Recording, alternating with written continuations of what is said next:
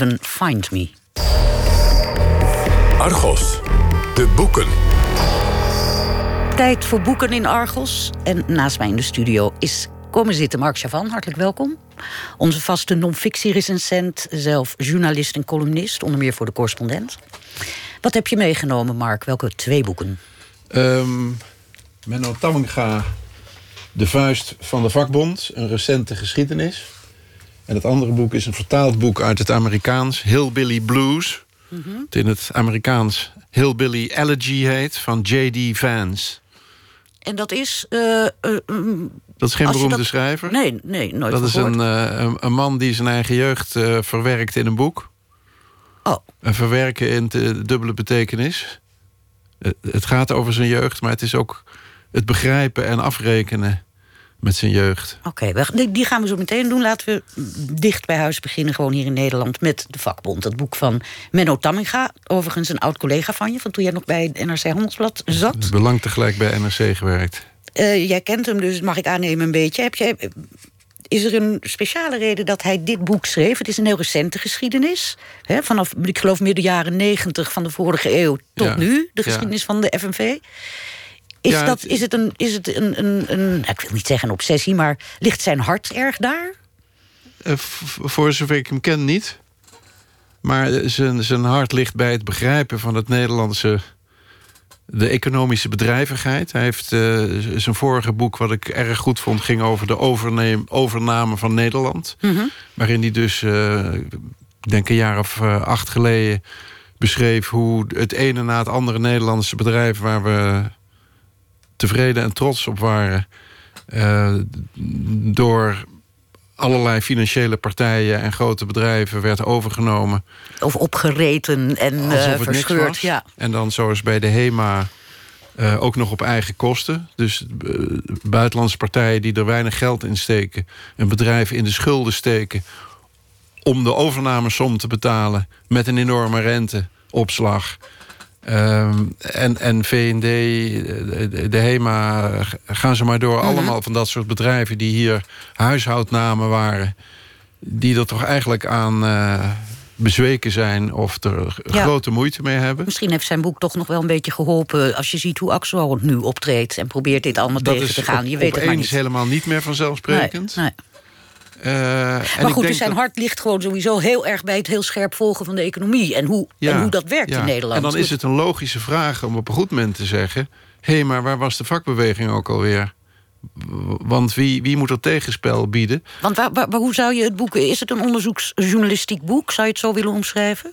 Ja, het is niet een onderzoeksjournalistiek boek in die zin dat het een, uh, zoals de Panama Papers, dat het een, uh, een schandaal, iets wat echt geheim moest blijven, opgraaft. Het is een analyse. Maar er zit wel heel veel onderzoek in. Ja. En heel veel kennis van zaken... op grond waarvan dat onderzoek gericht en goed en diep kon gaan. Want uh, geeft hij, wat, welke vraag heeft hij zich gesteld? Wat jij net al zei, waar, is, waar was de vakbond of waar is de vakbond? En heeft die vakbond eigenlijk in deze tijd nog bestaansrechten? Dat is en dat een beetje vraag. De, ja. Ja, ja, en daar komt hij met een genuanceerd antwoord. Uh, graag. Hij doet niet aan, uh, aan vakbondsbashing uh, of het begraven... en zeggen, nou, het is allemaal voorbij, iedereen ZZP'er, iedereen blij. Hij geeft aan hoe de vakbeweging geworsteld heeft met zijn rol... en geworsteld heeft met een veranderende mentaliteit van Nederlanders... van mm -hmm. mensen in de westerse wereld die zelf willen beslissen en vrijer zijn. Een, een, een deel van het ZZP-legioen is dat uit overtuiging... Een deel is het uit noodzaak, uit, uit uh, eieren voor je geld kiezen.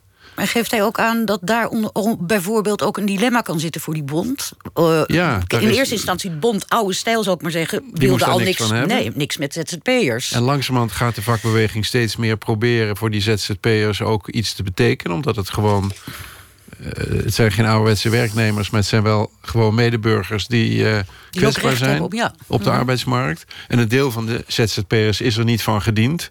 Dus het is moeilijk voor de vakbeweging om daar een rol in te vinden. Um, op basis van vrijwilligheid. Uh, de, je, moet, je moet verzekerd zijn voor een pensioen en zo. Er zijn een heleboel ZZP'ers die dat niet willen en zeggen dat we nee, dank u, melkman, niks nodig vandaag. Mm -hmm. Er zijn ook mensen die zeggen... ik zou het wel fijn vinden, maar ik kan het me niet veroorloven. Dus leg het me alsjeblieft niet op. Hmm. Dus dat is een van die, van die moderne ontwikkelingen waar de vakbeweging nog niet echt een rol gevonden heeft. Nee, dat heeft, heeft eh, Tamminga, Menno Tamminga, de schrijver van het boek, eh, een, een, een analyse of een idee, een idee hoe de vakbeweging dit dilemma aan moet pakken? Nee, de vakbeweging moet. Wat moet hoe, hoe, kunnen zij hier een, een rol in spelen? Dat zal à la carte moeten zijn. Dat zal op basis van, van vrijwilligheid moeten zijn. Het, het helpen zoeken naar oplossingen en het helpen vinden van regelingen waar mensen vrijwillig in kunnen stappen. Het, het oude idee, je bent lid van de vakbond en dan is er een CAO die wordt afgesloten. Een collectieve arbeidsovereenkomst die voor iedereen geldt die lid is van de bond, maar ook vaak algemeen verbindend wordt verklaard. Typisch iets uit de opbouw van de welvaartsstaat na de Tweede Wereldoorlog. Ook op dat gebied waar de vakbeweging voor ons knokt, in het beeld, eh, is twijfel. Ja. Eh, de organisatiegraad, zoals dat heet, het aantal mensen dat lid is van de vakbeweging, afgezet tegen de hele beroepsbevolking, is, is steeds maar gedaald en is nu iets van 17% in Nederland. En hij zegt, als je dat vergelijkt met het aantal mensen dat lid is van een politieke partij, dan is dat hartstikke goed. Ja, Want dat is eh 1 of 2 of 3 procent. ja. En dan op, is- op grond van dat soort cijfers zou je zeggen... ze hebben natuurlijk heus wel Op bestaansrecht. grond van dat soort cijfers praat hij zijn moed in. Ja. En zegt. En denk je eh, dat dat terecht is trouwens? En de despereert niet. En de despereert niet, nee. Eh, ehm, maar goed, wat, wa- komt hij met aanbevelingen voor ze? Ja, hij komt met aanbevelingen. Hij sluit zijn boek daarmee af. Dat vind ik zo grappig. Dat hij zegt, als ik voorzitter was... Ja, dan, dan zou een, ik dit of dit doen. Vind jij dat Een hele kunnen? moedige eh, opdracht om jezelf in het slothoofdstuk in de voorzittersrol te verplaatsen en te zeggen: mensen, we gaan het volgende doen. Ja. En vervolgens komt hij met vrij bescheiden aanbevelingen. Hmm. In de trant van probeer in de eerste plaats nuttig te zijn als mensen geen lid meer worden en in sommige sectoren al bijna geen lid meer zijn. Eh, want de leden zitten toch vooral bij de, bij de grote diensten. De, de, de, Vooral de diensten, De ja. ambtenarij of het spoor of de- Zorg. De, de- zorg. de zorg. Dat zijn de grote sectoren waarin het. Maar ook daar is het, is, is het krimpend. Dus hij zegt: zorg dat je nuttig bent. En dat is dan niet eh, een kortingje op een verzekeringje. Maar je zal moeten laten zien dat, het, ehm, dat je misschien betere ontslagbescherming krijgt als je lid bent van de bond. En het is zeer de vraag of werknemers bereid zijn om dat soort voordelen weg te geven. Ja, ja. En, eh, en nog, nog één aanbeveling, want ik, ik vond het inderdaad grappig dat hij daarmee eindigt. Ik, zei- ik, ik zei net eh, al tegen jou, zou het misschien inderdaad niet een gek idee zijn om Menno, Menno Tamminga, voorzitter van de FNV Nieuwe Stijl, die is er natuurlijk al nu, Die is er de te voortdurend. maken. Ja, ja. Nou ja, ik denk dat Menno, eh, zoals ik hem ken, heel goed is in het doorgronden en analyseren en drijfveren en feiten op een rijtje te zetten. Het is geen man van de zeepkist. Nee. En ik nee, denk dat de nieuwe en de oude vakbond het toch ook moeten hebben van, van leiders. Eh, ik bedoel, ik herinner me dat Ron Meijer, de nu SP-Kamerlid, een tijd lang die toch echt vrij versnipperde groep van schoonmakers in Nederland, waar Ja. ook nog een enorme hoop allemaal op sleeptouw. Hij heeft het, hij was ook immigranten die... in zitten. Die heeft hij meegekregen.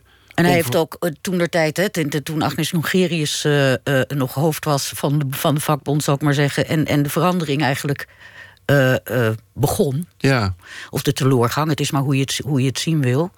Dat was Ron Meijer versus haar. Hij was wel van het nieuwe organiseren. ja en dat Ja. is een, een van de, van de ontdekkingen die, die Menno Tamminga in zijn boek eh, doet. Dat de kracht van organizing, hij schrijft het steeds cursief en in het Engels omdat het een, een, een, een Anglo-Saxisch begrip is. Dat zijn.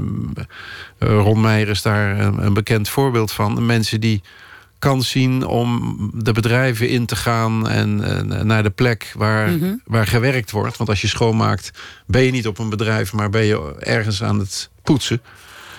Die kans zien op die zeepkist te staan en de mensen ervan te dringen: ik sta hier niet voor mezelf, maar voor jouw belang. En als je met z'n allen bent, dan kan je wat bereiken.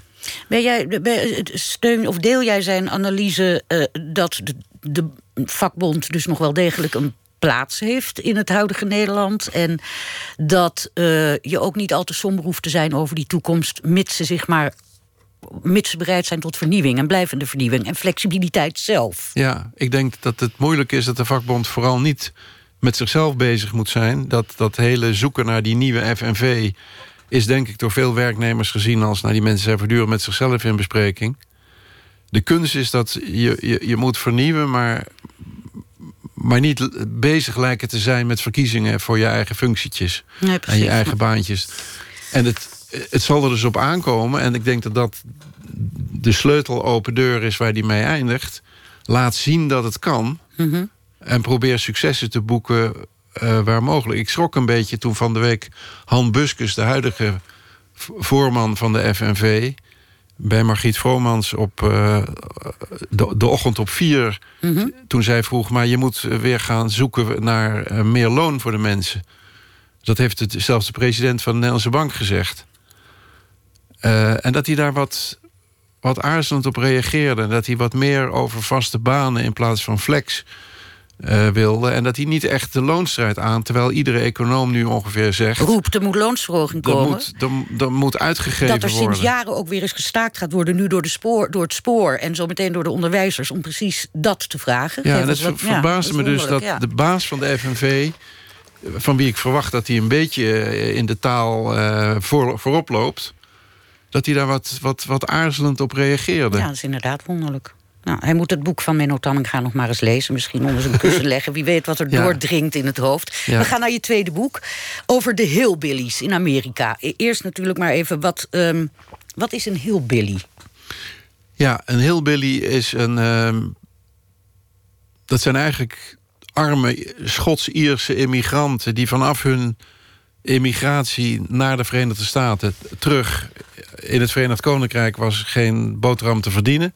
Ze gingen op grote schaal naar Amerika... en kwamen daar ook weer aan de onderkant terecht. En zoals veel immigranten moesten ze maar het werk nemen wat er te krijgen was. Maar anders dan bijvoorbeeld eh, Latijnse en, en, en Aziatische immigranten... zijn ze eigenlijk al, aan- altijd aan de onderkant van de arbeidsmarkt blijven wonen. En hillbillies zijn dus nu vallen behoorlijk samen met eh, de, de kerndoelgroep van Donald Trump. Van Trump, ja. In die zin dat het mensen zijn die, eh, vooral in de Appalachians, de, de, de, de bergketen, zeg maar tussen New York en Alabama. Dat is een heel flink stuk aan de oostkust van de Verenigde Staten. Veel oude industriestaten. Eh, Geen werk meer dus nu. Merk, eh, mijnwerkers zonder werk, eh, auto- en staalfabriek werknemers zonder werk. En deze J.D. Vance is zelf de schrijver geboren van het boek, ja. geboren in zo'n milieu. volstrekt dysfunctioneel gezin. Moeder aan de drank en de drugs. En vader nooit meer van gehoord. Is eigenlijk door zijn oma gered voor de totale teloorgang. En heeft zich opgewerkt, heeft uiteindelijk school afgemaakt... heeft uiteindelijk een van de beste law schools bij Yale University Zo. afgelopen... en is dus een van de uitzonderingen op de regel. En het leuke van hem is dat hij volstrekt solidair is... met, met zijn oom en zijn tante. En Met die hele groep, met de hillbillies. met zijn eigen mensen. Heel, eh, het is eh, wa- wat ook wel eens genoemd wordt white trash. Het is echt de witte, de witte, Ja. eh, de witte boze man aan de onderkant van de samenleving. En hij is boos, hij is boos. impliciet. Hij, is het zelf, hij heeft- zichzelf hij eruit hij gewerkt. aan Hij- ontsnapt, maar hij beschrijft zijn eigen mensen... met een combinatie van liefde en genadeloze eerlijkheid. En zegt, jullie willen niet kansen grijpen. Jullie zijn steunprofessionals. Jullie zijn geoefend in het oplichten van de, van de, van de bijstand. Je weet alle trucs. hard. Hij is daar behoorlijk hard in. Hij noemt ja. daar voorbeelden. En zegt erbij, dit zijn mensen die niet eruit willen klimmen. Dus hij twijfelt en hij, is, hij komt met conservatieve conclusies.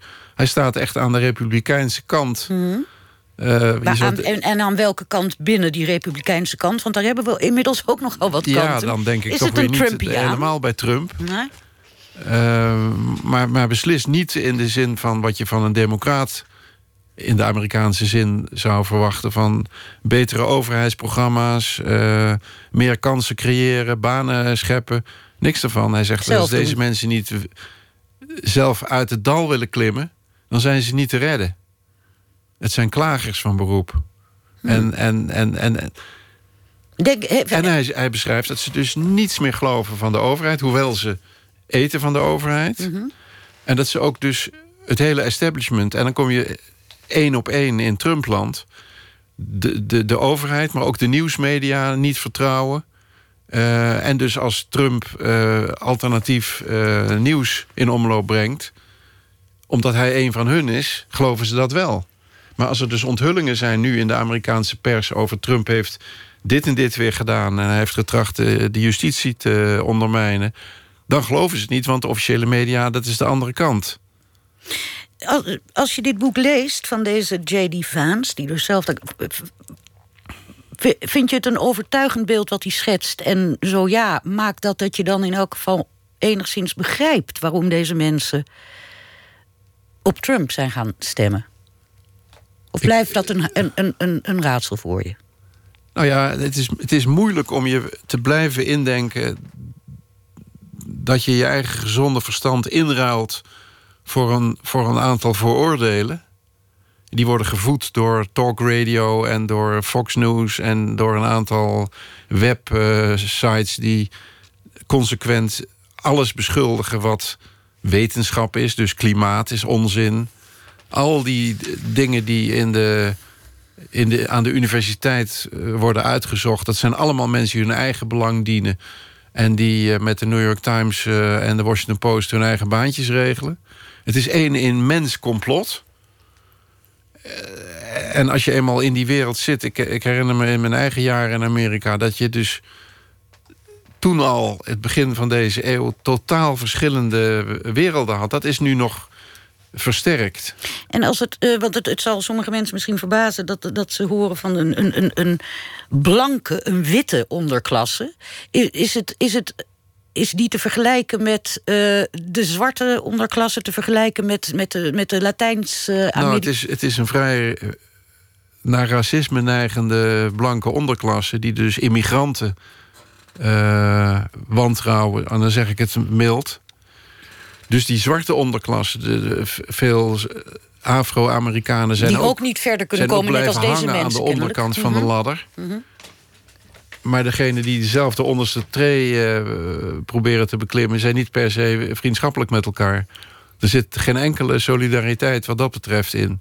Natuurlijk wel op individuele basis. Ze zijn Maar- gewoon aardige mensen. Ik kan me voorstellen dat wat, wat er blijft hangen van, van het boek...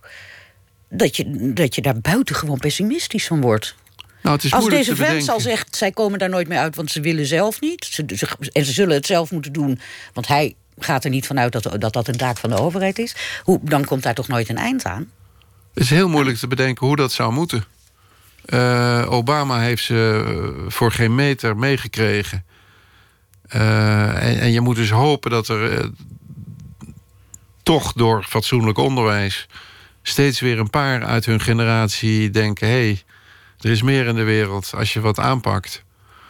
Eh, maar het is moeilijk. De ongelijkheid is, is, is gegroeid in Amerika... en de sociale ladder eh, is gladder geworden. Je komt er minder makkelijk op. Het is een, eh, dit boek is een bestseller in Amerika. Kan je begrijpen waarom? Ja, ja, ik denk niet onder de groep waar het over gaat. Nou, dat is het, het pijnlijke natuurlijk. ik denk dat mensen die boeken kopen in Amerika... dat is al eh, middenklasse en, en dreigt al niet meer aan de Trump-kant te staan. En dan een boek hierover. Ik denk wel dat ze geholpen worden om te begrijpen... wie toch in hemelsnaam die miljoenen... eh, Nou ja, dat zou wel heel wat zijn om te kijken... en valt daar misschien iets aan op te krikken of iets aan te doen. Ja, en het, maar het dramatische is dat Trump allerlei beleid nu uitvoert... zoals het eh, wegdrukken van openbaar onderwijs... zoals het belastingverlaging voor de toch al rijken. Hij doet allemaal dingen die voor deze mensen niet behulpzaam zijn. Precies. Nou ja. En ze laten het zich niet uitleggen. Dat, dat is wel heel bizar.